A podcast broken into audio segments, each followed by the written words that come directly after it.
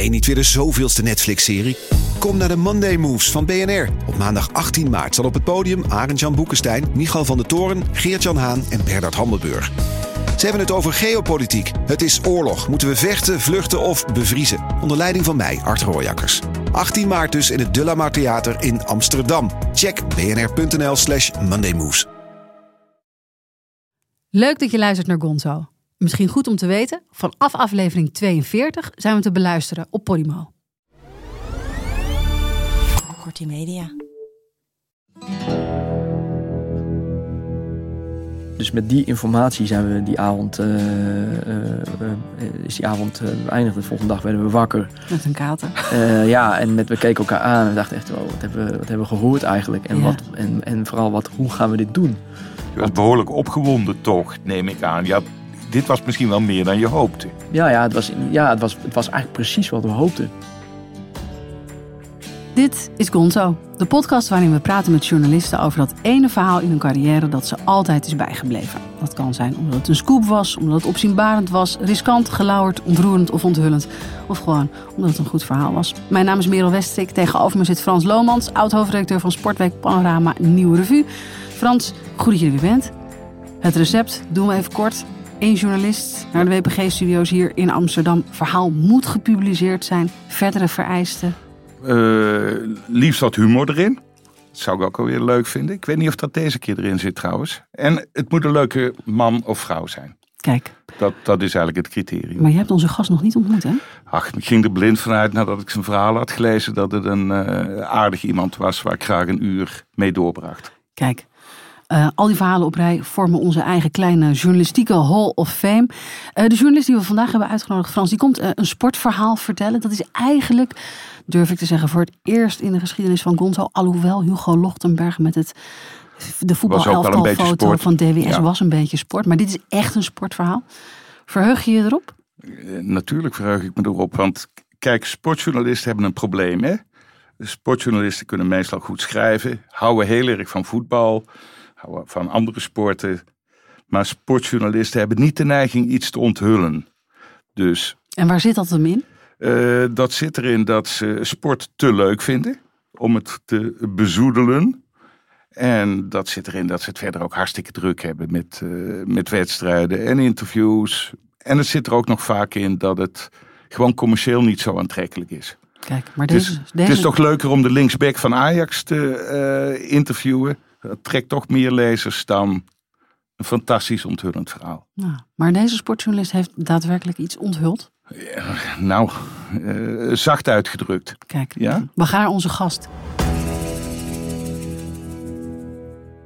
In de studio deze keer Willem Veenstra. Willem, goed dat je er bent. Ja, dank voor de uitnodiging. Eh, we beginnen altijd even met een kort cv. Eh, je werkt sinds 2012 bij de Volkskrant. Eh, eerst op de sportredactie, daarna als onderzoeksjournalist. Je schreef onder meer over matchfixing, seksueel misbruik bij Defensie, misstanden achter, achter de schermen bij de Wereld Door in Studio Sport. In 2014 won je een tegel als journalistiek talent. In 2015 won je een tegel voor je interview met FIFA-voorzitter Sepp Blatter. Ehm, en in 2017 werd je met je collega Maud Efting genomineerd voor journalist van het jaar. Ehm meeste mensen kennen jouw naam denk ik nu ook een beetje vanwege eh, de laatste reeks publicaties over de misstanden bij de Wereld Draait Door eh, in Studio Sport. Is die storm een beetje gaan liggen of zit je daar nog middenin? Nee, die storm is wel eh, goed deels gaan liggen. Gelukkig zou ik haast zeggen, want het was wel, nou ja, het, hield ons bezig. Ehm, en eh, ik bedoel, niet voor niets hè, onderzoek je een, een thema, of in dit geval de, media. eh, en hou je dan niet op na één verhaal. Het is ook vaak zo dat je na een verhaal heel veel tips krijgt over soortgelijke situaties. Ehm, maar ik moet zeggen, het is nu denk ik ongeveer een jaar geleden sinds we daaraan begonnen aan dat eerste onderzoek. Eh, en ik heb nu alweer zin in andere dingen. Ja? Oké, dus er zijn geen tips binnengekomen waar je nu vol nou, zit. er zijn zeker tips binnengekomen, maar, zijn, maar eh, gelukkig komen er ook tips binnen over andere eh, sectoren en eh, situaties. Die niet per se te maken hebben met, met de media. Dus dat, dat, daar kunnen we ook uit kiezen. En ja, dat hebben we ook gedaan. Ja. Hoe, hoe, eh, hoe gaat het eigenlijk verder? Zat, zit er in dat Wereld Draait Door verhaal nog een los eindje? Zou je nog iemand willen spreken? Of heb je nog... Nou, zeker. Ik zou Matthijs van Nieuwkerk heel graag willen spreken. Uh, omdat natuurlijk het, het, het verhaal ging uh, over het systeem. Het ging over uh, het programma, maar ook over de omroep en de, de mensen bij de omroep. maar natuurlijk ook over Matthijs van Nieuwkerk zelf, de presentator. Heb je natuurlijk wel geprobeerd? Ja, we, van tevoren hebben we dat heel veel geprobeerd. ruim een maand voor publicatie hebben we hem benaderd. En nou ja, heel veel contact gehad met zijn agent in aanloop naar het verhaal. Om, om toch te proberen hem te bewegen om met ons in gesprek te gaan. Dat is helaas niet gelukt. Um, voor, voor, dat vond jij jammer? Ja. Was het ook dom van hem om dat niet te doen? Nou, ik denk wel gewoon dat. dat uh, misschien mag ik heel even. Een, een, een, want dit, dit raakt bij mij wel iets wat, waarvan ik denk. Dat vind ik eigenlijk belangrijk om te vertellen. Want bij dit soort verhalen wordt heel vaak gezegd. Uh, um, uh, je publiceert iets en vervolgens wordt iemand gecanceld eigenlijk. Hè? Uh, iemand die, die uh, moet zijn programma's inleveren, gaat, moet weg, is niet meer welkom. En heel veel mensen hebben een groot probleem tegen die cancelcultuur. En daar kan ik op zich heel goed inkomen. Ik vind zelf de cancelcultuur ook een, een, een vreemd fenomeen. Maar als je het ontleedt, dan, dan denk ik dat een hoofdpersoon in zo'n verhaal vaak zelf een heel groot aandeel heeft in hoe de lezer en, en, en de gemiddelde uh, toeschouwer zeg maar, ermee omgaat. Dus ik denk inderdaad dat als, als wij gewoon een gesprek hadden kunnen voeren, waarin hij ook zijn kant van het verhaal goed had kunnen vertellen, en ehm, vervolgens op basis van zijn verhaal en alle andere verhalen die we gehoord hadden, hadden kunnen wegen van, hey, nou ja, misschien is hij uh, niet alleen uh, daarom ook wel een beetje slachtoffer van het systeem. Dat dat misschien ook heel anders overkomt. En dat, dat er ook misschien niet een, zo'n beweging komt waarin iemand helemaal uh, wordt weggedrukt. Ja. Dan was de impact eigenlijk minder groot. Ja, of, of, anders. Of anders. Want, want wat, wat ik heel fijn vind aan, aan, hoe de, aan de impact van dat verhaal is dat er heel breed krijgen we te horen op allerlei werkvloeren een discussie is gekomen over uh, ongewenste omgangsvormen. Uh, ook buiten de mediawereld. Ja. Hè, er is echt veel, veel gebeurd wat dat betreft. En dat, daar hoop je toch altijd een beetje op dat, ja. dat je iets losmaakt wat dat betreft. Dus dat vind ik heel fijn. Maar de, de meer giftige dynamiek van hè, tegen één persoon die, die uh, in dat verhaal dan weliswaar een hoofdpersoon is. En ook echt zeker dingen te verwijten valt. Maar, te, maar ook ja, zijn kant van het verhaal heeft ja, dat, dat is niet se iets waar je, waar je enorm op zit te wachten als journalist. Nee. Zou je hem nu nog willen spreken? Ja, absoluut. Dat ja. hebben we ook uh, meermaals ook gevraagd. Gaat het er nog van komen, denk je? Ik hoop het. Uh, ik hoop het, dat hij, dat hij uh, zijn verhaal alsnog zou willen doen bij ons. Het is, we staan in ieder geval voor open en we zijn, we zijn proberen zo onbevooroordeeld mogelijk daarin te staan. Ja, ik zou hem heel graag spreken. Wat zou je ervan vinden als hij dat ergens anders zou doen? Nou, dat zou, ik ook begrijpen, want, want um, uh, de, de, wat, wat je gewoon krijgt in aanloop naar zo'n publicatie is een soort dynamiek waarin, um, uh, ja, waarin je heel snel een beetje een vijand ja. denken krijgt. Uh, en niet vanuit ons, maar vanuit de, de beschuldigde.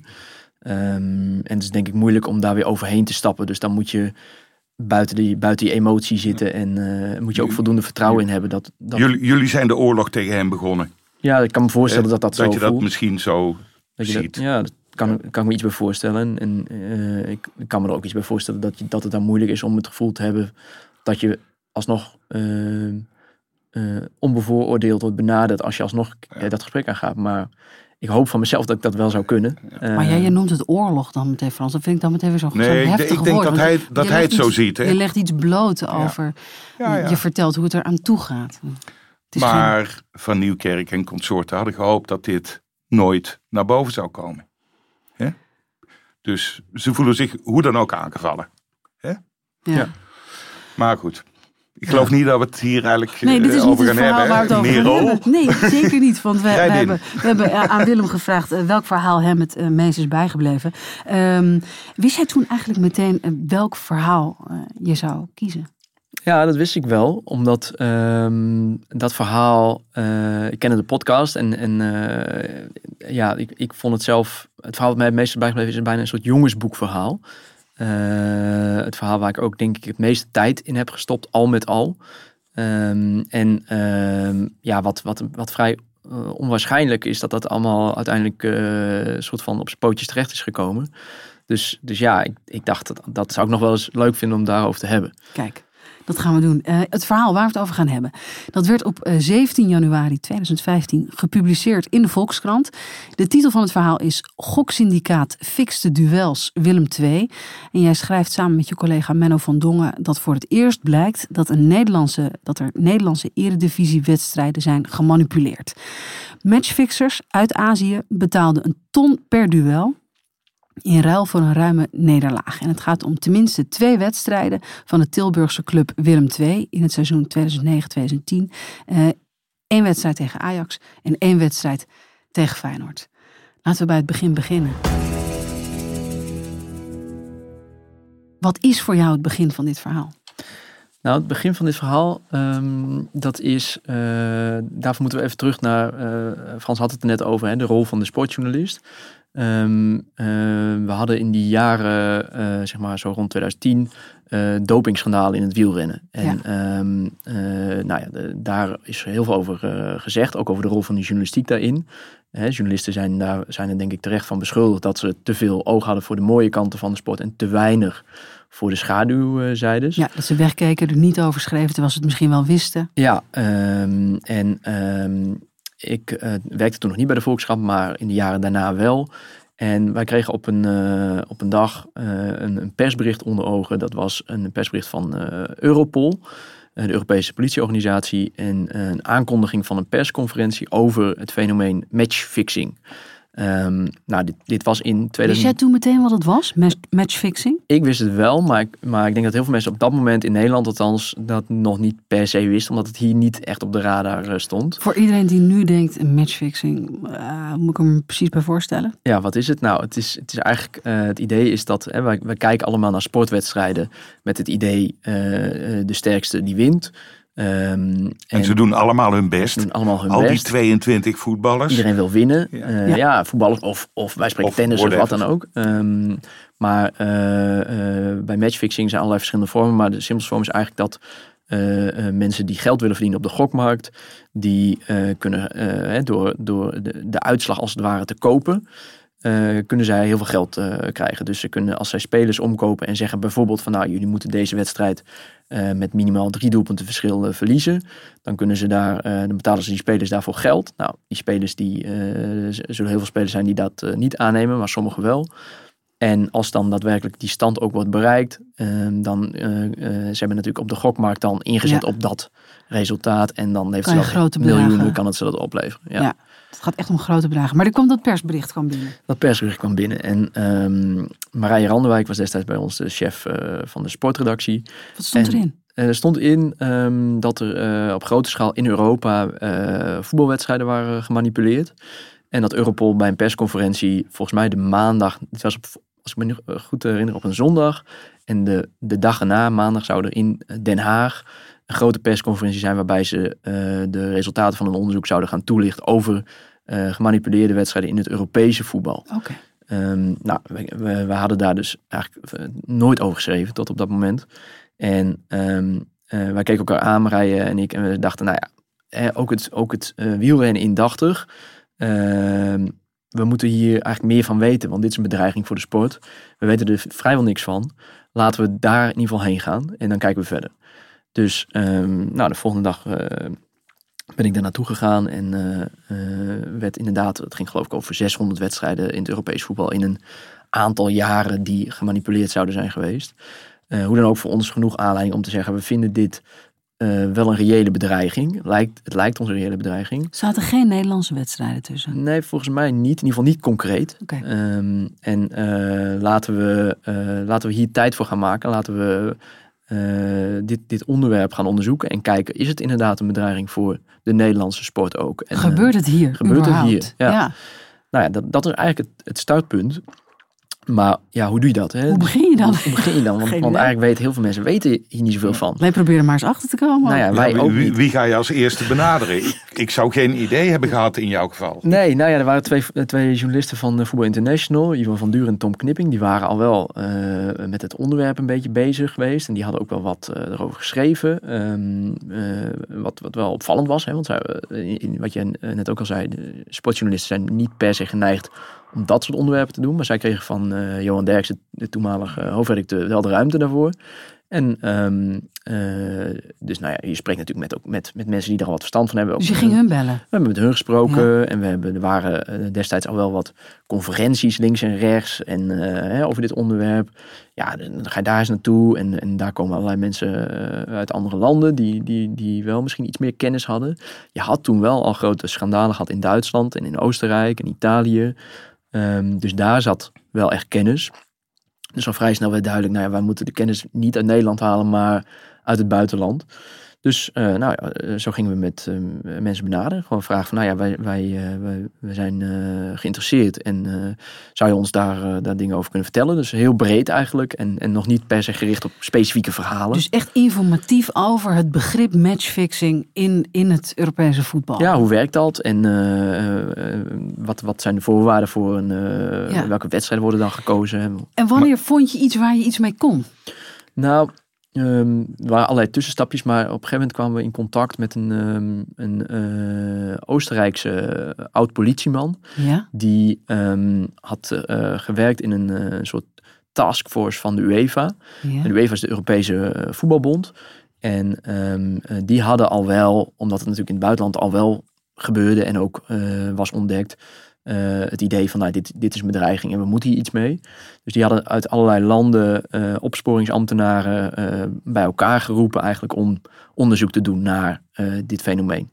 Nou, dat, dat team was uit elkaar gevallen op een gegeven moment en hij was een van die leden van dat team.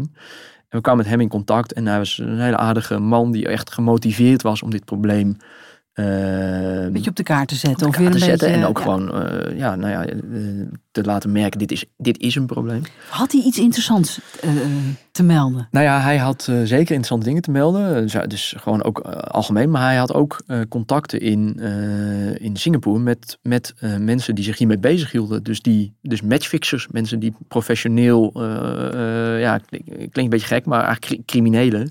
Die, ehm, die dit gewoon deden. Want toen, toen kwam de eh, Singapore naar boven. Hè? Ja, het was wel duidelijk al dat dat was in die eh, andere schandalen in, in, in eh, Duitsland en Italië en zo gebleken al dat, dat heel veel van, van wat er dan in die Europese competities wordt gemanipuleerd, eh, zijn origine heeft in Azië en dan vooral Singapore.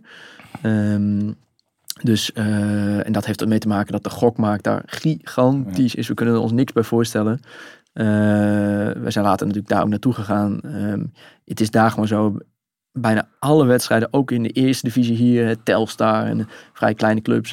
In Nederland kun je die wedstrijd niet eens bekijken live op tv, maar daar wel. En eh, dat, dat wordt allemaal uitgezonden. En daar wordt ook eh, op, ge, op gewet. wordt gigantisch opgewet, ja. En eh, zij, zij, dat gaat ook gewoon om. eh, heel veel mensen zijn heel bijgelovig, dus die, ze- die geloven gelo- bijvoorbeeld dat de kleur rood geluk brengt. Dus de, de, de club in het rode shirt, die, eh, daar wordt dan op gewet, bijvoorbeeld. Ze weten Eh, waarschijnlijk niet eens hoe die club heet dan. misschien. Nee, of, of, en nou ja, het, het is dus heel verbazingwekkend. Dat, eh, dat viel ons ook op. Dat, dat zij heel vaak meer weten over Telstar dan, dan wij. Ja, ja. Want, want zij zetten ook gewoon in op, op eh, wie de, de eerste corner krijgt, wie de eerste ingooi krijgt, eh, wie het eerste doelpunt maakt, allemaal dat soort dingen. Dus zij, ze, ze maken ook een beetje een studie van die elftallen. En eh, dit zijn dan nog gewoon legale praktijken. Hè? Dit Ja. mag allemaal gewoon. Maar deze Oostenrijkse oud-politieman vertelt jou dus over die, die, dat hij matchfixers kent in Singapore. eh, en dat hij je daarmee in contact kan brengen. Nou ja, dat, ja dat, dat, dat was wel een wat lang proces, maar dat was ons doel. We dachten, nou ja, als we echt willen, dit willen begrijpen, dan moeten we ook de kant van de daders hebben, zeg maar. Dan moeten we ook die mensen proberen te spreken. En eh, ja, die, in Nederland was dat, eh, er waren wel wat, wat, wat mensen die wel wat geassocieerd werden hiermee, maar niet dat je dacht, nou daar ga ik eens Ja. even mee eh, in gesprek aan. Dus jij moest een heel vervelende reis ondernemen naar Singapore. Absoluut, ja, het was eh, absoluut hard werken. En je, eh, je chef zei, hier gaan, we, hier gaan we geld insteken. Lekker naar Singapore toe. Nou, we- het was zo dat we dit onderzoeksproject, hè, eh, dat, dat we daarvan hadden gezegd, hier willen we tijd en geld in investeren, omdat we denken dat het een bedreiging is. En het was vrij snel duidelijk, ja, dit ga je in Nederland niet kunnen maken, zeg maar. Dit, dit, dit, als je kennis wil of je wil, dan moet je in het buitenland. Dus daar kreeg je wel meteen Dus daar toestemming kregen we wel eh, toestemming voor. Ja. En Menno van Dongen was eh oud-politie justitieverslaggever, dus hij had Ja. ook wel nodige ervaring in eh, nou ja, de- Ja. deze sector, maar zeggen. Dus ehm, Maar heel even Willem, want je reist dan af naar Singapore. Met een collega. Ja. Eh, En dan had je een afspraak staan? Had Ja. je... We hadden, we hadden, nou ja, we hadden, zoals je dat dan doet, eh, omdat je voelt natuurlijk ook de druk van, ja, dan gaan we helemaal naar Singapore, kost een hoop geld. Ja. We, hadden, we gingen daar een week heen met het idee van dan, dan eh, dus we willen gewoon zo, zorgen dat ook als die afspraak met die matchfixer eh, niet doorgaat, en die kans was natuurlijk best wel aanwezig, want ja, geen idee. Dat zijn niet de meest betrouwbare mensen nee. waarschijnlijk. Nou ja, precies, dat dachten wij ook. Dan willen we wel zorgen dat die reis niet voor niks is. Ja. Dus we hadden allerlei afspraken gepland met ook eh, daar opsporingsofficials en mensen die zich daar met dat probleem bezighielden. Want er was daar natuurlijk wel echt een ja, serieus probleem. Ehm, dus we hadden er in ieder geval voor gezorgd dat we sowieso met verhalen terug zouden komen. Maar ons voornaamste doel was natuurlijk die, die matchfixers spreken. En dat, daar, hadden we echt, daar hadden we ook ruimte voor gemaakt in het schema. Om dat al, hè, we een, eerste afspraak met hem staan. We hadden wel de hoop van, nou ja, misschien als we dan hem eh, een tijdje gesproken hebben, kunnen we hem daarna nog een keer spreken als dat Ja. nodig is. En, want je, je weet ook wel, je gaat niet, als je iemand, eh, ook voor hem, als je mensen niet kent, ja, je begint niet gelijk het, gaat niet het achterste van je Nee. tong laten zien. Dus nou ja, met die gedachte gingen we daarheen. En het was wel, eh, was wel spannend, want ja, geen idee of die ook zou komen opdagen. En eh, eh, we hadden dus wel dat Oostenrijkse contact en die, nou ja, die had echt bemiddeld en die had ervoor gezorgd dat die afspraak stond. En dat, daar hadden we vertrouwen in dat het door zou gaan, maar je weet het niet. En hoe, hoe ging die afspraak? Waar, had je afgesproken? Weet je het nog? Nou ja, we hadden afgesproken eh, op het terras van, eh, van een of ander eh, restaurant langs de rivier. Dat weet ik nog. Als je me vraagt hoe heet de rivier, ik heb geen idee meer. En hoe heet het restaurant al helemaal niet meer. Maar daar zaten we. En het was een beetje een, een gezette man met een kaal hoofd. en een voetbalshirt had hij aan. En, Van? ehm, ja, ik weet niet, later, toen we hebben meerdere afspraken met hem gehad, eh, liep je in een Spanje-shirt, dat weet ik nog wel. Ik heb ook ieder de print van de krant gemaakt. Ik zal hem even bijpakken, dan kun je hem zien. We hebben bijna een foto eh, van. Dit is hem. Oh ja, geweldig. Ja, hier. Ehm, dus hier was hij in zijn Spanje-shirt. Maar ehm, Druk maar voor op haar. eh, ja, ja, zo kwam hij aanzetten. Dit was de matchfixer. Dit was de matchfixer, ja. Siva Kumar heet hij. En eh, hij heeft Indiase roots. En ehm, zijn zoontje noemde hij Neymar, eh, naar de voetballer. Kijk. Ehm, maar goed, het eerste gesprek was, eh, was nou ja, een beetje aftasten natuurlijk van eh, wie, zijn, wie, wie zijn die mannen en wie is hij. En, eh, Zei jij meteen wie jij was? ja, wij hadden, wij hadden, hij wist het al van tevoren dat wij twee journalisten waren. Oké, dus je, had, je had je echt bekendgemaakt. Ja, en, en ehm, eh, het, het gekke is dan, je, je, je kunt je wel vragen, waarom zou jij als matchfixer of als Ja. crimineel met journalisten Dat is natuurlijk afspreken? de hamvraag. Hè? De- Ja. Wat is je belang? Ja, en ehm, dat, die, die, die vraag hadden wij ons natuurlijk van tevoren ook gesteld. Waarom zou hij dat doen? Maar de ervaring leerde wel dat die fixers daar, die zijn, die zijn in zekere zin ook wel een beetje trots op wat ze doen. Want eh, je moet je zo voorstellen, stel jij staat met vrienden in de kroeg. En, jij, eh, en er is op een, op een scherm is eh, voetbal te zien. En jij zegt, nou weet je, eh, pak je telefoon eens bij en zet eens 100 euro in op eh, dat eh, die ploeg eh, met twee doelpunten verschil wint. Want eh, nou, ik zou het maar doen. Ik Ja. zou het maar doen. Nou, en Je doet het. En je doet het. En verrek, Nee. het gebeurt. En dan ben je natuurlijk de man. Dan ben je de man. Ja. En, en eh, dit, is- ik overdrijf nu een beetje, maar dit is wel een beetje het sfeertje wat soms om deze types heen hangt. Er, erkenning of zo. Van ik, ik kan iets wat Nou ja, zij, weinig mensen kunnen. zij kunnen vanuit Singapore, dan, en natuurlijk, zij zijn ook hier om dingen te regelen, maar vanuit daar kunnen zij wedstrijden in Europa ja, beïnvloeden. Dat is toch Ja. wel bijzonder. Ja. Dus, dus Heel cool. Heel cool. Ja, nou ja, er- zijn dus echt dit soort mannen die daar dus echt trots Ja. op zijn. Dus, eh, en hij behoort ook niet tot de, de, de, grote bazen of zo. Dat was meer een soort iemand die er... eh, hij was één keer veroordeeld geweest en heeft een maandje in een cel gezeten voor een eh matchfixingzaak in Singapore. Maar verder, nou ja, is een beetje, zou ik haast zeggen, tweede garnituur. Ehm, daarom was hij ook toegankelijk, denk ik. Maar het was voor ons heel nuttig, want, want hij vertelde allerlei interessante dingen over hoe hij te werk ging en hoe dat dan ging met die, met die nou. Je hebt er allerlei verschillende groepen, eigenlijk syndicaten eh, met fixers die vanuit daar eh, eh, het voetbal beïnvloeden. En niet alleen in, eh, in Europa, ook in Afrika en van alles en nog wat. Het lijkt me nog best, best lastig, want met een voetbalteam, je zit altijd met elf spelers in een team. Je kan er één omkopen misschien, maar je moet altijd meer hebben, toch, om een wedstrijd te verliezen. Ja, dat is ook hun, hun eh, eigenlijk een soort van hun stelregel. Van je moet er eigenlijk minimaal drie hebben en liefst meer. Ehm, ja, het is ook gewoon heel simpel. Hè? Sommige spelers verdienen gewoon heel weinig geld. Ja. Dus, dus eh, je zult heel, je niet snel zien dat er een Champions League wedstrijd of een WK wedstrijd. Real Madrid, Manchester City wordt niet beïnvloed uit Singapore. Nee, dat zou, eh, Ja. alles is mogelijk, maar dat zou Ja. onwaarschijnlijk zijn. Maar- Aan de andere maar- kant zou je ook kunnen denken, dat is misschien wel het hoogst haalbare voor een matchfixer. Tuurlijk, maar matchfixers zijn natuurlijk niet achterlijk. Hè?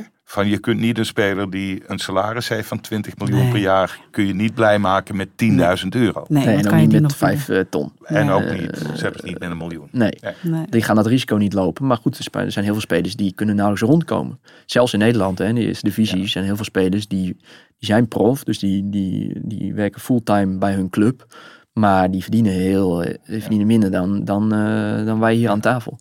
Eh, dus echt weinig, die verdienen weinig geld en, en kunnen net rondkomen ervan. In de hoop dat ze misschien een grote carrière gaan hebben. Of in de nadagen van hun carrière.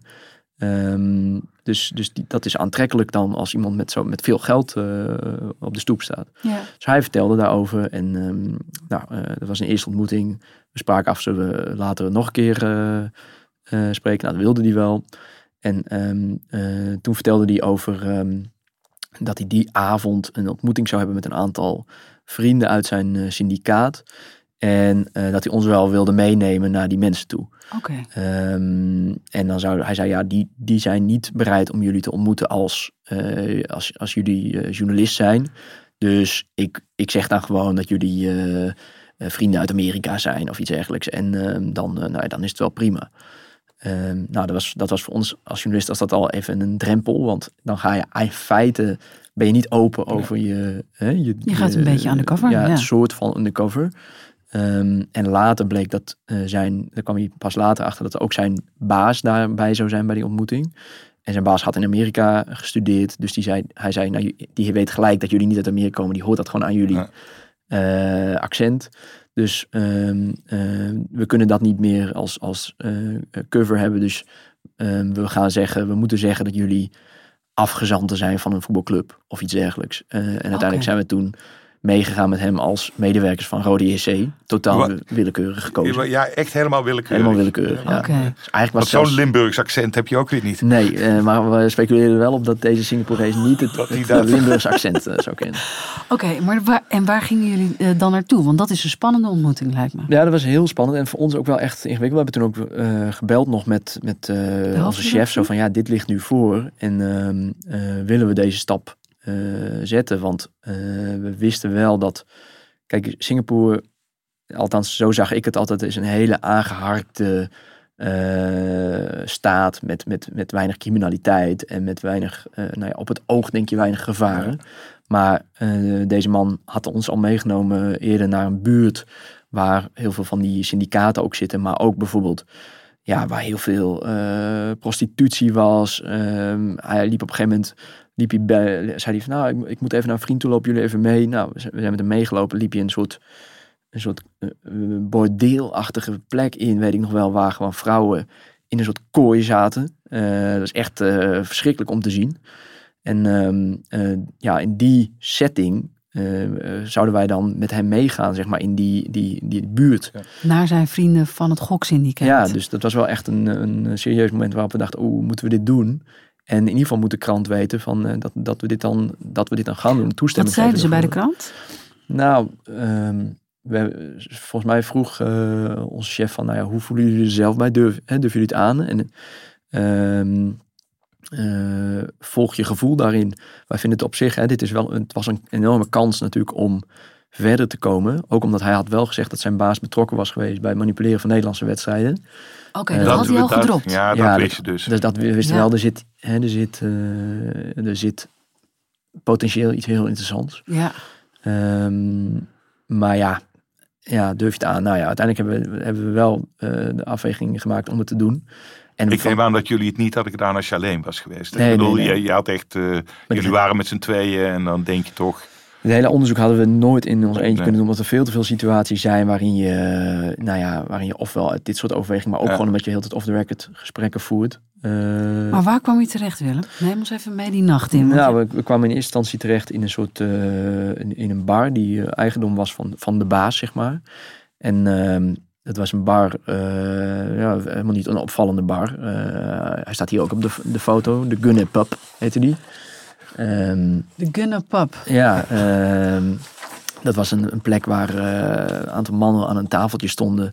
Heel veel vrouwen waren later ook bleken dat prostituees te zijn. Die daar dansen. Eh, Zie ik hier in de foto ook. Ja, precies. Ehm, en nou, daar werden we voorgesteld aan zijn baas. Eh, we hebben hem in het verhaal Victor genoemd. In werkelijkheid heette hij anders. Maar omdat we tegen hem niet met eh, open vizier hebben... eh, of niet, niet, niet ons camera hebben gemaakt, journalist... hebben we wel zijn identiteit afgeschermd. Het was bovendien ook een man die al eerder was veroordeeld voor moord. Of medepleeg van moord, geloof ik. Een beetje een, een iets ander wetsartikel. Maar in ieder geval had vijf jaar in de cel gezeten daar. Dus we, we waren wel echt een beetje op ons hoede. En, of waren eigenlijk heel erg op ons hoede.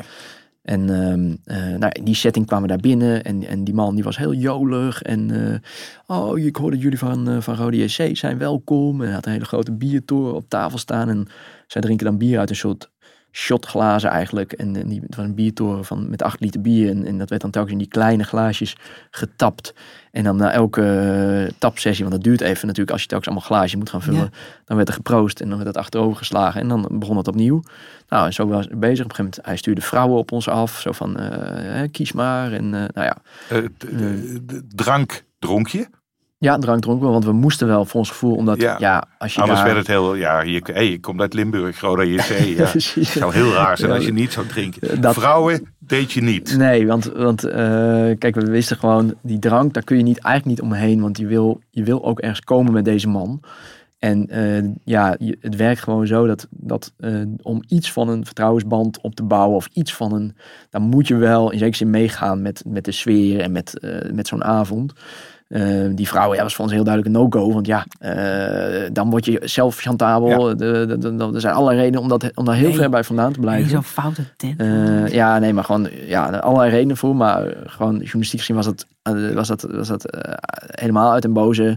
Los van dat je daar als, als ik bedoel, we hadden allebei een Mens. relatie Ja. en daar zit je überhaupt niet op te wachten. Nee. Ehm, maar eh, dat, Maar dat jolige was sfeer? een jolige sfeer en eh, ehm, duidelijk niet bedoeld om te praten over dit, dit fenomeen. Maar hij zei wel vrij snel, we gaan straks naar een andere plek toe. Eh Siva Kumar, de, de matchfixer waar we mee hadden afgesproken eerder, die neemt jullie mee. En dan gaan we het hebben over, eh, over andere dingen. Want hij Dan was bij gaan, de... dan gaan we zaken doen. Precies, soort Oké. van. Eh, want hij, hij zag natuurlijk een, een eh, kans hè, als medewerkers van een club.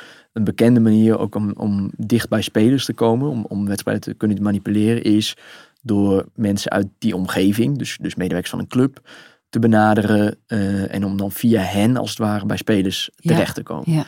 Ehm, dus nou ja. Ging hij dat ook proberen in dat gesprek wat jullie eh, daarna eh, met- met hem hadden? Ja, dat, dat ging zeker. Ook daar werd er flink gedronken. En wat wij telkens deden is, wij liepen met onze telefoons, eh, liepen we dan naar de wc en dan gingen we aantekeningen maken. Want dat kon je natuurlijk niet aan tafel doen. Dus, dus, en ook omdat je meer dronk, moest je wel ja, onthouden wat er allemaal gezegd Ja, werd. moeilijk. Dus we, we gingen om zijn beurten naar de, naar de wc en dan heel snel aantekeningen maken in de telefoon. Ehm, en op een gegeven moment inderdaad eh, eh, vroeg hij aan ons van, nou ja, eh, ik, eh, ehm, ik, zie, ik zie kansen.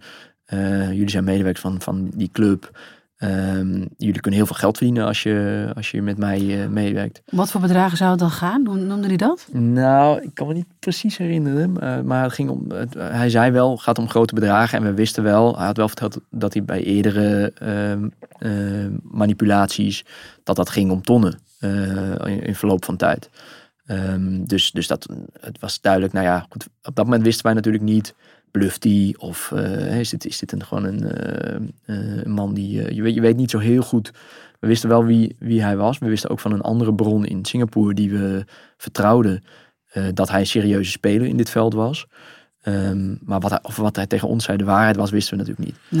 Nee. Maar wat wel zo was, was dat aan het eind van die avond. wij vroegen natuurlijk wel aan hem: ja, van, maar heb je dit dan in Nederland eerder gedaan? En, en hoe dan? Hele logische vragen eigenlijk. Ja, Ja, en ehm, eh, daar ging het je natuurlijk allemaal om. daar ging het ons Ja. eh, ook heel erg om. En uiteindelijk kwam het dus, eh, noemde hij daarbij, we hebben dat toen in dat verhaal, en dit verhaal is gepubliceerd in 2014, hebben we dat nog niet opgeschreven, omdat, we, omdat het natuurlijk geen enkel bewijs Ja. was. Maar hij noemde toen Willem II als eh, club in Nederland bij wie die wedstrijden gemanipuleerd had. Ik heb het eerder gedaan bij Willem II. En nog een aantal details. En ehm, nou, dat was voor ons een soort van, eh, wow, eh, oké, dit, dit is wel heel interessant. Eh, Noemde hij ook al de wedstrijden? Of noemde hij alleen nog maar Willem II? Nee, hij noemde, als ik me goed herinner, geen wedstrijden. Ja, hij noemde één wedstrijd. Hij noemde één wedstrijd. En ehm, eh, nou ja, wij dachten toen, poeh, wat, wat gaan we hiermee doen? We wisten gelijk, ja, dit kunnen we niet opschrijven op basis van ja. zo'n figuur. Want ik bedoel, geen enkele garantie dat het klopt. En je, je brengt dan een club wel enorm in discrediet natuurlijk. Wat voor details noemde hij? Ehm, Weet je dat nog? Nou, hij noemde eh, de speler eh, met wie hij eh, Ja? het contact had, volgens mij. Dat was eh, Ibrahim Karbo. Ik kan het nu zeggen, omdat we, de la we hebben er daarna een heel journalistiek onderzoek aan gewijd. En er zijn uiteindelijk tot publicatie gekomen. Maar toen hebben we dit allemaal niet opgeschreven. Ja. Ehm, maar dat was Ibrahim Karbo, dat was een middenvelder uit Sierra Leone, die bij Willem II zeer gewaardeerd was. Echt een, Ja, echt goede, een- goede speler, hè? goede speler, enorme inzet. Ehm, eh, een speler die ook heel veel deed voor zijn thuisland. Het was niet een jongen die, die eh, elk weekend eh, in de disco stond. Maar hij was, eh, was echt bezig met eh allerlei liefdadigheidswerk in Sierra Leone. Hij deed ook, was ook voor beloond door, door de internationale spelersvakbond, FIFPro. Een goed Ehm, mens. Ja, eh, ja dat, dat was wel de, de, de, de indruk van heel veel mensen. Dus hij noemt die wedstrijd. Hij noemt een speler. Ja, eh, club. De club. Eh, en jij dacht alleen maar, hoe krijg ik dit in hemelsnaam gecheckt? Ja, hoe, ja, het was eigenlijk een soort van, hè, we dachten, we waren bezig met een onderzoek en hier dachten we, oh, dit is een heel nieuw Ja. onderzoek. Wat moeten we hiermee gaan doen? Je, je was ervan overtuigd dat het klopt, hè? Ja, we hadden wel gewoon eh, echt, echt het idee, dit kan heel goed kloppen.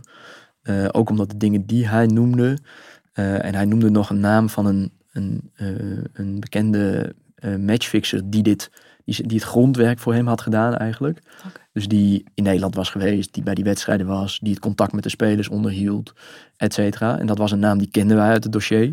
Ehm, dat was eh, Wilson Perumal, heette deze man.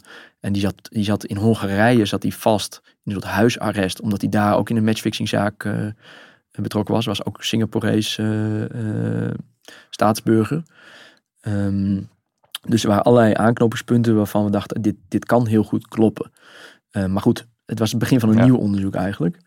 Ehm, dus, dus met die informatie zijn we die avond, eh, eh, eh, is die avond eh, beëindigd. De volgende dag werden we wakker. Met een kater. Eh, ja, en met, we keken elkaar aan en we dachten echt, wow, wat hebben we, wat hebben we gehoord eigenlijk? En, Ja. wat, en, en vooral, wat, hoe gaan we dit doen? Je was behoorlijk opgewonden toch, neem ik aan. Ja, dit was misschien wel meer dan je hoopte. Ja, ja, het, was, ja het, was, het was eigenlijk precies wat we hoopten. We, Ja. we hoopten echt dat Ja. we met concrete gegevens eh, verder zouden kunnen. En dat het niet alleen een mooi verhaal van hè, eh, twee journalisten in Ja. Singapore die, die in, in, eh, in, in- bij een Ook, goksyndicaat ook de koffie leuk. Maar Ook leuk. Dat verhaal hebben we wel gemaakt eh, uiteindelijk naar aanleiding van deze reis. Hè, dus de- waarin we verslag doen eigenlijk van deze ontmoeting en eh, ehm, eh, beschrijven van, nou ja, zo werkt dat. Ehm, Maar er Maar- lag nog een beter verhaal wat gemaakt moest worden. Ja. Namelijk het verhaal of die wedstrijd, of dat klopte. En of de naam van die speler klopte. Je zei net al, ja, jullie dachten, hoe gaan we dat doen? Hoe gingen jullie het doen? Je komt terug in Nederland. Wat was, je, was, was jullie eerste stap Ja, we zijn- op Hollandse bodem? Nou ja, de eerste stap was om het, om het met, de, met de chef te gaan bespreken. Van Ja. eh, dit ligt nu voor. Eh, we weten ook als we dit gaan doen. Ja, dan, je, hebt, je hebt niet heel veel lijntjes waar je. En je kunt bij spreken. Eh, oudspelers van Willem II gaan bellen of zo. Ja. Maar je weet gewoon, dat weet je ook uit andere onderzoeken hiervan. Kijk, er is wat bij matchfixing echt een punt was, was het is wat ze dan noemen haalcriminaliteit. Dus je hebt, je hebt brengcriminaliteit. Wij spreken, er ligt een lijk op de stoep. Eh, er, is een, er zijn nabestaanden. Eh, de politie wordt gebeld en wordt onderzoek gedaan. En je hebt haalcriminaliteit, dat is eigenlijk, er is geen direct slachtoffer. Niemand doet aangifte. Ehm, Ja. Dat is matchfixing. Want hè, de spelers die meewerken, die krijgen hun geld. Ja. Eh, de matchfixers, die verdienen gro- groot geld op de gokmarkt. En het publiek weet van niks. Dus, dus het is in zekere zin een, een ideale misdaad als het allemaal goed gaat. Eh, en kun- ja, eh, niemand heeft het door. Ehm, maar, ehm, eh, nou ja, dus dat maakt het in onderzoek heel moeilijk. En het maakt het ook dat niemand belang heeft om te praten. Dus Nee. de spelersbellen zo was gewoon geen optie. Ehm, ja, we wisten wel die naam van die, van die fixer die in Hongarije zat. Ehm, en we dachten, ja, dat, dat zou natuurlijk, het allerbeste zou natuurlijk zijn als je deze man zou kunnen spreken op de een of andere manier. Eh, maar ja, hoe ga je dat in godsnaam doen? Ja, vindt mij zo'n Hongaarse match- matchfixer. Ja. Eh, ja, hoe kom je Maar hij had überhaupt wel huisarrest. Hij had wel het, was een het was een Singaporese matchfixer Oh. in Hongarije, Ja. eh, in Budapest, Oh. ehm, die het land niet uit mocht. Dat was eigenlijk een beetje de situatie. Nou, eh, er was een, eh, een Duitse journalist die had een documentaire gemaakt over matchfixing, waarin deze persoon, deze matchfixer, eh, aan het woord kwam. Dus dat vertelde ons eigenlijk, nou, het is niet iemand die heel erg is. verborgen Nee. is, zeg maar. Nee. Ehm, en er is een kans dat we hem als journalist aan de praat krijgen. Dus nou, een heel lang van kort te maken. We hebben die Duitse journalist gesproken. We hebben een soort van op die manier contactgegevens gekregen van de beste man eh Wilson Perumal. Eh, en uiteindelijk zijn we eh, naar Boedapest gegaan. Ik wou net zeggen, ik voelde al een reis naar Hongarije aankomen. Ja. Zeker ja. En ehm, eh, hebben we eh, met hem afgesproken. Dat, dat lukte allemaal. Nou, was ook allemaal. Je had vanuit hier al de afspraak Ja. gemaakt met hem. Eh, maar ook met het idee, geen idee of het lukt. Ja. Hè? Eh, of, dat, of die ook daadwerkelijk op komt Ja. dagen. Ehm, dat gebeurde uiteindelijk wel. Ehm, we, we hadden toen al, ehm, eh, ik vergeet namelijk één ding te vertellen. We hadden in de tussentijd eh, e-mails in handen gekregen eh, via opsporingsbronnen in- uit het buitenland. die van deze matchfixer, die gingen over Willem II. Ehm, dus we hadden zeg maar iets concreets waarmee we hem konden, Ah, konden confronteren. En dat zijn we gaan doen daar. Dus, dus dat gesprek zijn we met hem aangegaan. En eh, wonder boven wonder eigenlijk. eh, eh, hij zei, als jullie mijn naam niet noemen, dan eh, wil, ik, wil ik er wel wat over wil ik wel vertellen. eh, na lang aandringen en nadat we die mails in hadden gebracht. Dus het was voor hem eigenlijk allemaal heel moeilijk om er nog een weg omheen te vinden. Ja, het, hij had in theorie kunnen zeggen, Ja. heb ik niet geschreven of zo. Maar ja, het, was, het is een praatgraag iemand. Ja. Dat is ook de reden Ja. dat hij meermaals eh, al gearresteerd is en zo. Ehm, Wat vertelde hij? ja, hij, hij vertelde eh, uiteindelijk over, ehm over Carbo. Over de voetballer van Willem II. En over hoe, hoe dat contact liep met hem. En hij vertelde over dat hij, eh, dat, hij- ik kan me nog herinneren dat hij dan eh, bij eh, Groningen Willem II was. Hij, hij, hij vertelde nog eh, dat hij daar dan ook in een hotel zat. En eh, dat deed hij dan om, eh, om, om zeg maar te scouten eigenlijk. Om gewoon te kijken van nou, wat is dit voor, eh, wat is dit voor club. En ehm, eh, hij had het contact met Carbo had hij, eh, eh, via eh, Skype. En ehm, hij had ook de, de Skype-naam van, eh, eh, eh, was dan Popeto. Popeto was dan de, de naam die Carbo op Skype zou gebruiken. En eh, hij vertelde over eh, de, nou ja, wat hij dan betaalde, eh, welke wedstrijd het omging. Ehm, Hij vertelde eigenlijk alles Hij wat je vertelde wilde horen. ja, veel vertelde hij wel. We hadden ook wel telkens het idee, hij vertelde ook allerlei dingen niet. Maar ja, dit, dit klonk als heel serieus. En het was eigenlijk een soort bekentenis. Ja. En het was bovendien, eh, we hadden hem niet alles verteld over de, de e-mails die wij hadden. Eh, en wat hij vertelde kwam wel overeen met wat wij hadden aan eh, documentatie en aan... Dus dat deed je bewust eigenlijk. Je vertelde niet alles om te kunnen checken aan zijn verhaal of het klopte wat hij vertelde ja, ook. Ja. en ehm, ehm, nou ja, zo kwamen we uiteindelijk tot een soort van beeld van... hey, eh, nou ja, dit, dit, ehm, dit kan heel goed... eh, dit, dit kan echt heel goed kloppen. En ehm, ja, het was voor ons ook een moment dat je dacht, jeetje... Even terugdenkend, we zaten eh, een half jaar geleden, geloof ik, in, eh, in Singapore. En eh, eh, toen hoorden we hier voor het eerst van... en nu zit deze man dit gewoon te dit gewoon te vertellen. vertellen. Want, want wat was het beeld wat je, wat je overhield aan dat gesprek? Nou, het beeld was gewoon dat, dit, dat, dat het, het grote fenomeen matchfixing, waar we allemaal niks van wisten, dat onder onze ogen in het seizoen eh, 2009 eh, wedstrijden waren gemanipuleerd. En gewoon in de eredivisie, de hoogste competitie in Nederland. Dus je, had, je kreeg een bedrag te horen. Ja, En dat was dat was een, dat was een eh, ton per wedstrijd. Eh, we kregen te horen bijvoorbeeld ook in wat, wat voor auto eh Carbo eh, naar de ontmoeting was gekomen. We kregen te horen eh, nog de naam van een andere eh, speler die via Carbo betrokken zou zijn geweest. Die we op dat moment nog niet gepubliceerd. Of tenminste, dat nog niet in dit verhaal gepubliceerd. Maar ehm, dat, dat kregen we wel te horen. Ja, en, en, allerlei details die zo, eh, ja, die eigenlijk, ehm, die je niet, bijna niet kunt verzinnen. En die bovendien dus overeenkwamen met documenten die wij hadden en die hij niet had gezien. Ehm, Dus, dus voor ons was dat wel het moment dat we dachten, eh, ja shit, dit is gewoon gebeurd. Want je had ook de aard van de weddenschap, hè, kreeg je daar te horen. Ja. Want wat was de weddenschap? Nou, dat was, eh, kijk wat ze in, in ehm, wij zijn hier gewoon eh, gewend om te wedden, wij spreken op ofwel die club wint of speelt gelijk of verliest. Ofwel het wordt 2-1 of 3-1. Eh, maar in Azië hebben ze weddenschappen die heten dan de Asian Handicap weddenschappen. Eh, en dat is dan, dan ehm, begint een, eh, een, een team, wij spreken, dit ging om een wedstrijd Ajax-Willem II.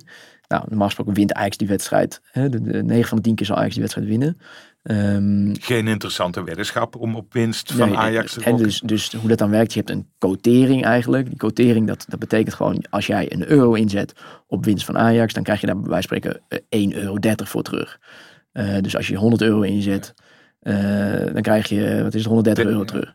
Nou ja, dus dat is niet een enorme marge. Ehm, maar wat zij dan doen, is dan begint Ajax eigenlijk met min 2. Eh, dus als, dan moet Ajax eigenlijk met drie doelpunten verschil winnen. ehm, om de weddenschap succesvol te Ja. maken. En dan wordt de quotering veel aantrekkelijker. Dus dan wordt het veel aantrekkelijker om als je daar echt grof geld op inzet. En je weet ook zeker dat dat, dat gaat lukken. ehm, ja, dan is dat heel eh, winstgevend. Ehm, nou, dat, we, we waren inmiddels redelijk ingewijd in hoe dat werkt met weddenschappen en hoe die Aziatische gokmarkt in elkaar zat en hoeveel miljoenen daar wel niet in omgingen, et cetera. We hoorden nu deze details. eh, we hoorden die vrij concrete details over wat voor auto reed hij, wat was zijn Skype-naam. Ehm, eh, we hadden die e-mails. Ehm, dus we hadden op dat moment echt het idee, oké, dit is eigenlijk gewoon gebeurd. Ja. En, Maar dan rest nu- je, ja, dan heb je nog één ding te doen. De hoofdpersoon. Ja, en, en, niet- en niet alleen hem, want we waren natuurlijk, het gaat om een heel elftal en een club en een, eh, met een trainer en ehm, eh, een hele grote supporterschare.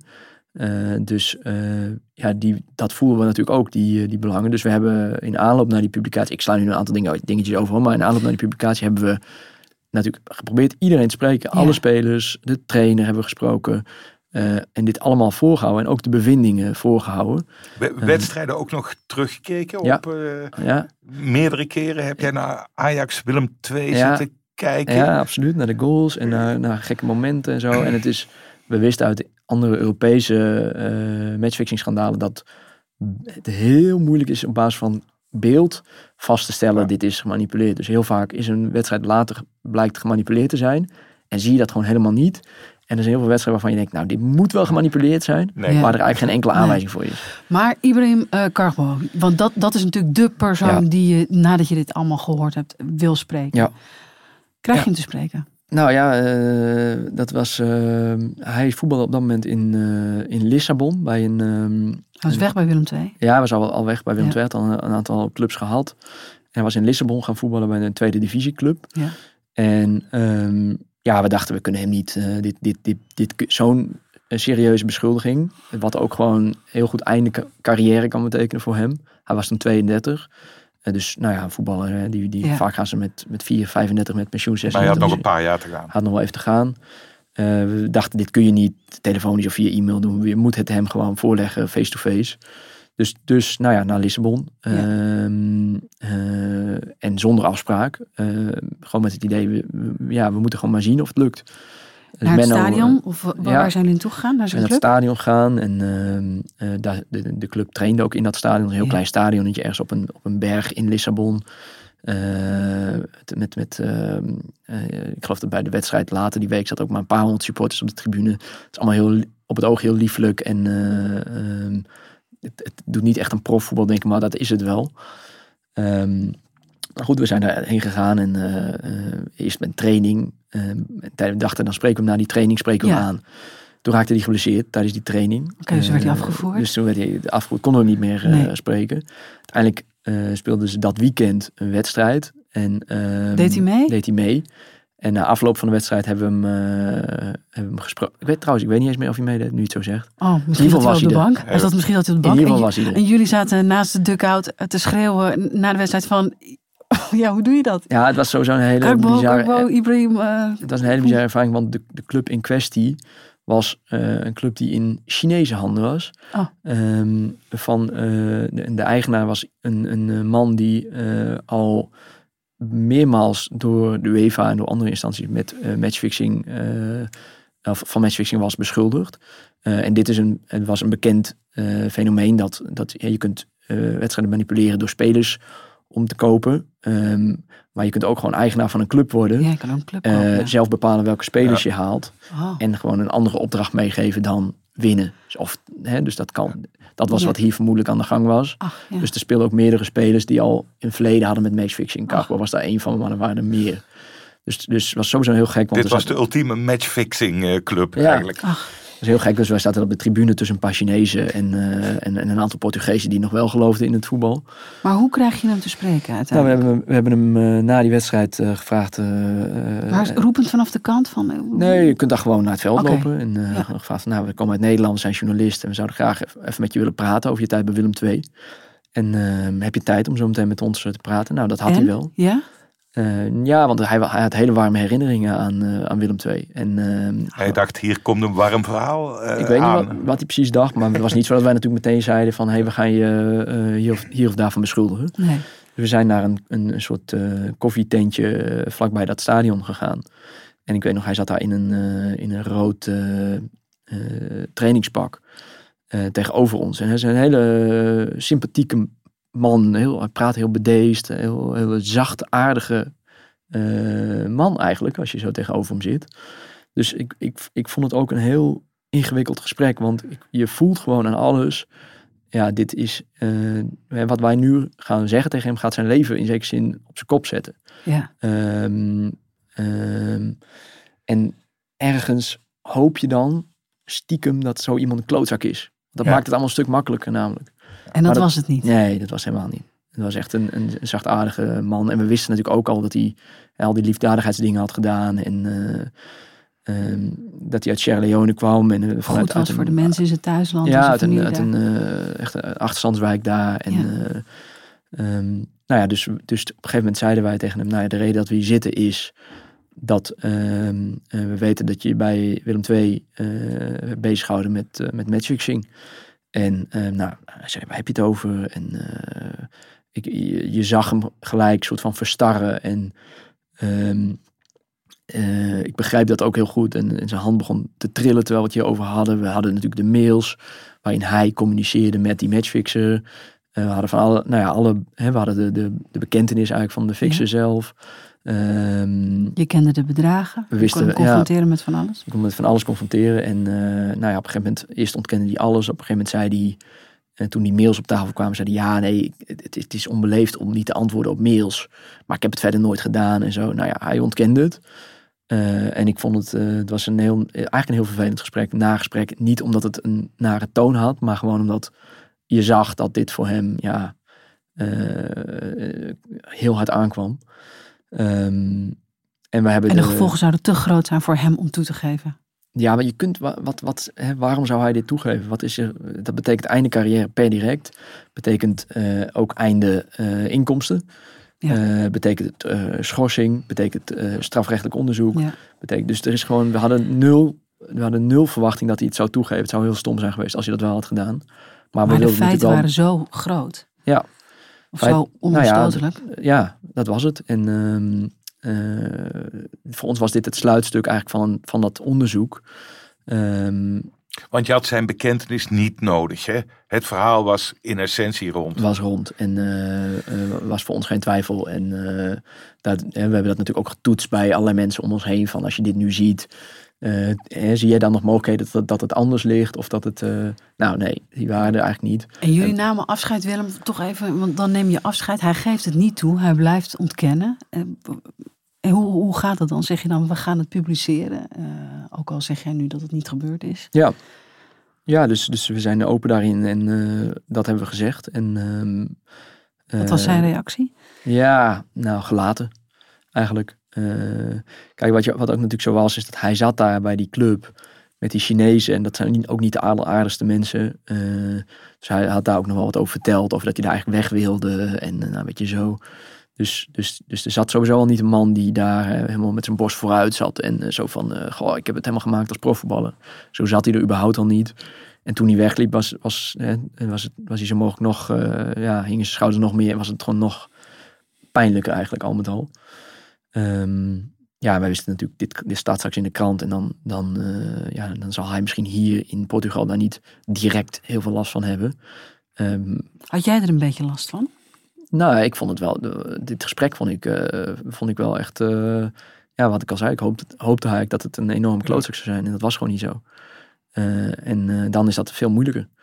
En achteraf, ehm, hè, er is na dit, hebben dit verhaal eh, gepubliceerd. Hoe, hoe lang na het gesprek met, eh, met hem is het gepubliceerd? Nou, dan moet ik eventjes de kant erbij pakken. Want dit was eh 17 en 18 januari eh, 2015. En eh, ik weet nog dat wij daar waren. eh, ik denk dat dat eh, begin januari was. Dus dat zal een week of twee Ja, ja. later zijn geweest. Wat was de impact van de publicatie? Ja, die was, was eh, gigantisch. Dus ehm, kijk, we hadden ook eh, eh, voorafgaand aan de publicatie hadden we de KNVB natuurlijk eh, Ja. dit voorgelegd. Zo van, dit is wat wij gaan publiceren.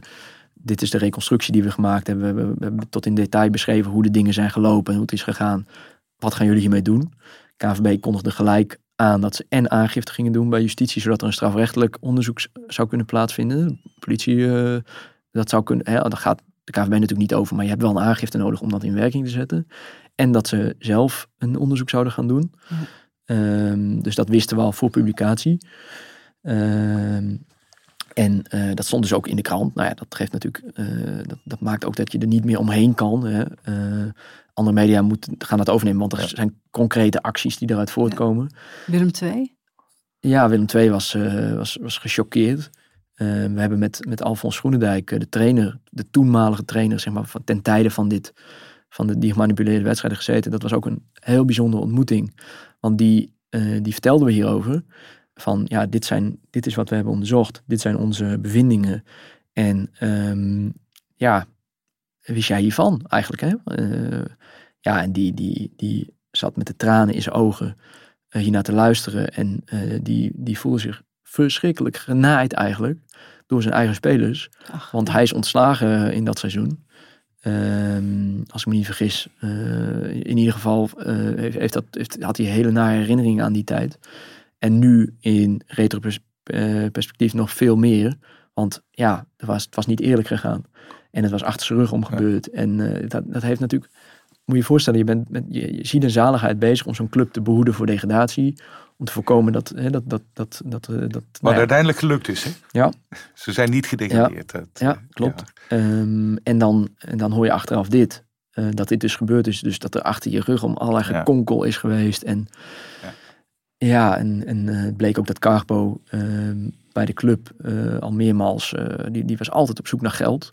Hij zei voor zijn familie en voor, dus hij vroeg altijd voorschotten van zijn salaris. En nou ja, er, zijn benefietwedstrijden gespeeld tussen eh, Willem II en, eh en eh, Sierra Leone.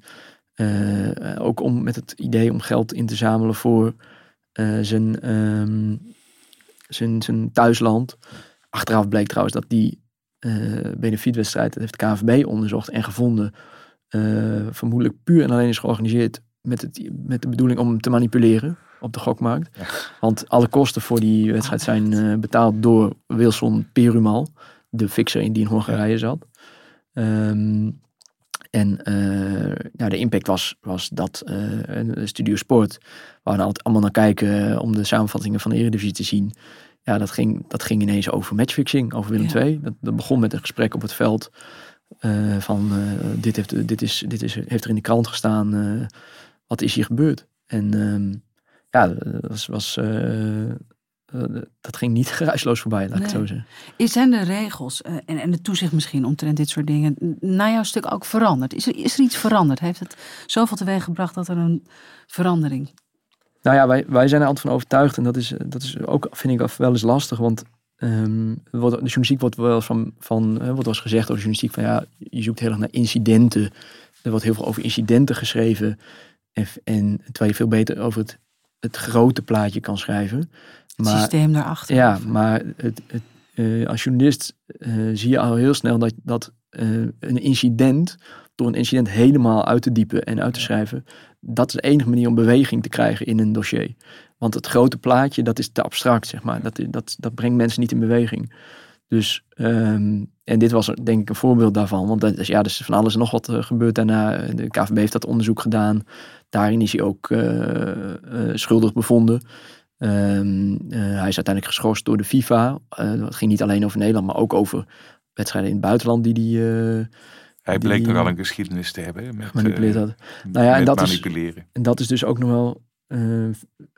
Hè, want je, je, je, kunt zeggen, het, het is toch geen aardige man gebleken. Maar misschien zijn het ook wel gewoon twee dingen die naast elkaar kunnen bestaan. Want uh, deze, deze uh, manipulaties hadden zijn origine in Sierra Leone. Hij speelde ook voor het nationale elftal van Sierra Leone. En um, daar speelden meer spelers die wedstrijden manipuleerde. Uh, en in Sierra Leone, nou, hij, hij speelde dan bij Willem II en had een heel goed salaris. Ik geloof dat hij drie ton verdiende of zo. Ja, maar zijn teamgenoten in Sierra Leone. Maar er waren heel veel spelers die dat helemaal niet verdienden. Nee.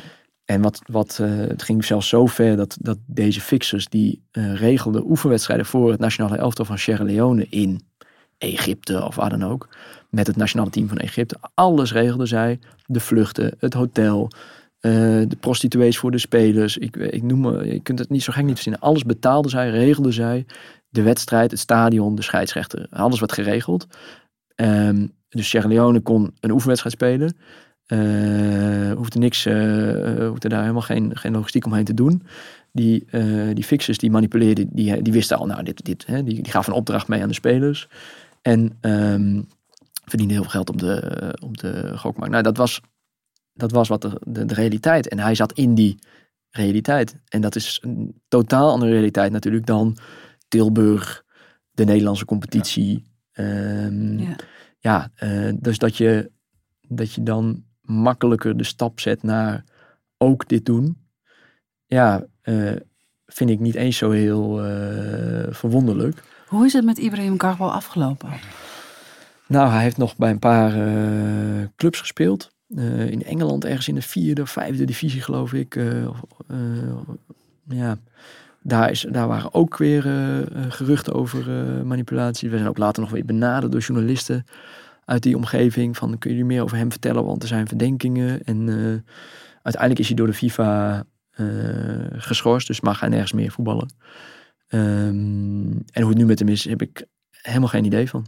Ik zou wel willen weten, maar uh, nee, die speelt niet meer. En uh, die, uh, ik weet niet eens waar die woont of wat hij doet. Ik zou het wel leuk vinden als je nu, weet ik veel, als, als kerstverhaal op bezoek bij. ja, ja? als kerstverhaal dat je, Ja, toch? Voor de kerstbijlage van de Volkskrant. Ja, dan, ik bedoel, Jullie zijn het begonnen. Dus de hoofdredacteur in jou toch, uh, Frans, die dan nu meteen aan een kerstnummer denkt. Maar ik, ik, denk dat de hoofdredacteur van de Volkskrant uh, dit, ook nu ook gaat voorstellen. nou, ik zal het eens doorgeven. Ja. Ik weet niet waar die zit, maar het zal vast weer uh, ver weg zijn. En, nou ja, dit, gek is, ook hierbij geldt eigenlijk net als bij Matthijs van Nieuwkerk, omdat het een totaal ander verhaal gaat. Van, je hebt geen idee of hij open staat voor een gesprek met ons. Want, want ja, voor hem is het ook zo geweest. Dit heeft hem enorm achtervolgd. En heeft hem heel veel eh, kopzorgen gekost. Ik bedoel, er is een Nederlands, er is een strafrechtelijk onderzoek ook uitgevolgd uit dit, deze publicatie. Overigens is hij uiteindelijk niet, uh, tot, er is geen vervolging geweest, omdat de Nederlandse justitie vond dat je um, voor elke gemanipuleerde wedstrijd meerdere losse bewijzen moest hebben. Dus wij spreken, als je mail had over, ik noem maar even wat, Willem II Utrecht, um, waarin werd gesproken over bedragen, et cetera dan moest je daarnaast ook een bekentenis hebben van bijvoorbeeld de fixer en uh, nog een bewijsstuk. Hmm. Uh, en, je, en in het buitenland vervolgen ze uh, dit soort zaken op basis van het, het, complete beeld. Dus wij spreken die mail over die ene wedstrijd, bekentenis over een andere wedstrijd. Daar zeggen ze, wij zien dit als een geheel, zeg maar. Hier in Nederland deden ze dat niet, dus er is nooit een rechtszaak van gekomen. Um, maar het heeft hem enorm veel problemen opgeleverd. En ja, zijn reputatie is natuurlijk Uh, ja, heeft dat geen goed gedaan. Toch even, is natuurlijk een rare vergelijking om Ibrahim Kargbo nu te gaan vergelijken met Matthijs van Nieuwkerk. Maar je zei eerder aan het begin van dit gesprek, zei je, eh, in het geval van Matthijs van Nieuwkerk was het misschien beter geweest als hij uh, ook met ons had gesproken. Dat het dan een gebalanceerder beeld had gegeven. Uh, als je hem misschien toegeeft of als je er misschien in, op ingaat in hoe je het doet. Voor Ibrahim Kargbo ehm, was dat dus geen optie. Nee, nee. Dat, was, uh, was, dat had ik hem ook, uh, als ik zijn adviseur was geweest, niet, niet aangeraden. Want, het, want als, jij bekend over, als je dit bekent, dan ja, dat betekent dat per direct einde krijgen. Er zijn zoveel directe gevolgen Ja. dan. Nee, bekennen was geen optie. Nee, nou ja, ontkennen dus eigenlijk ook niet.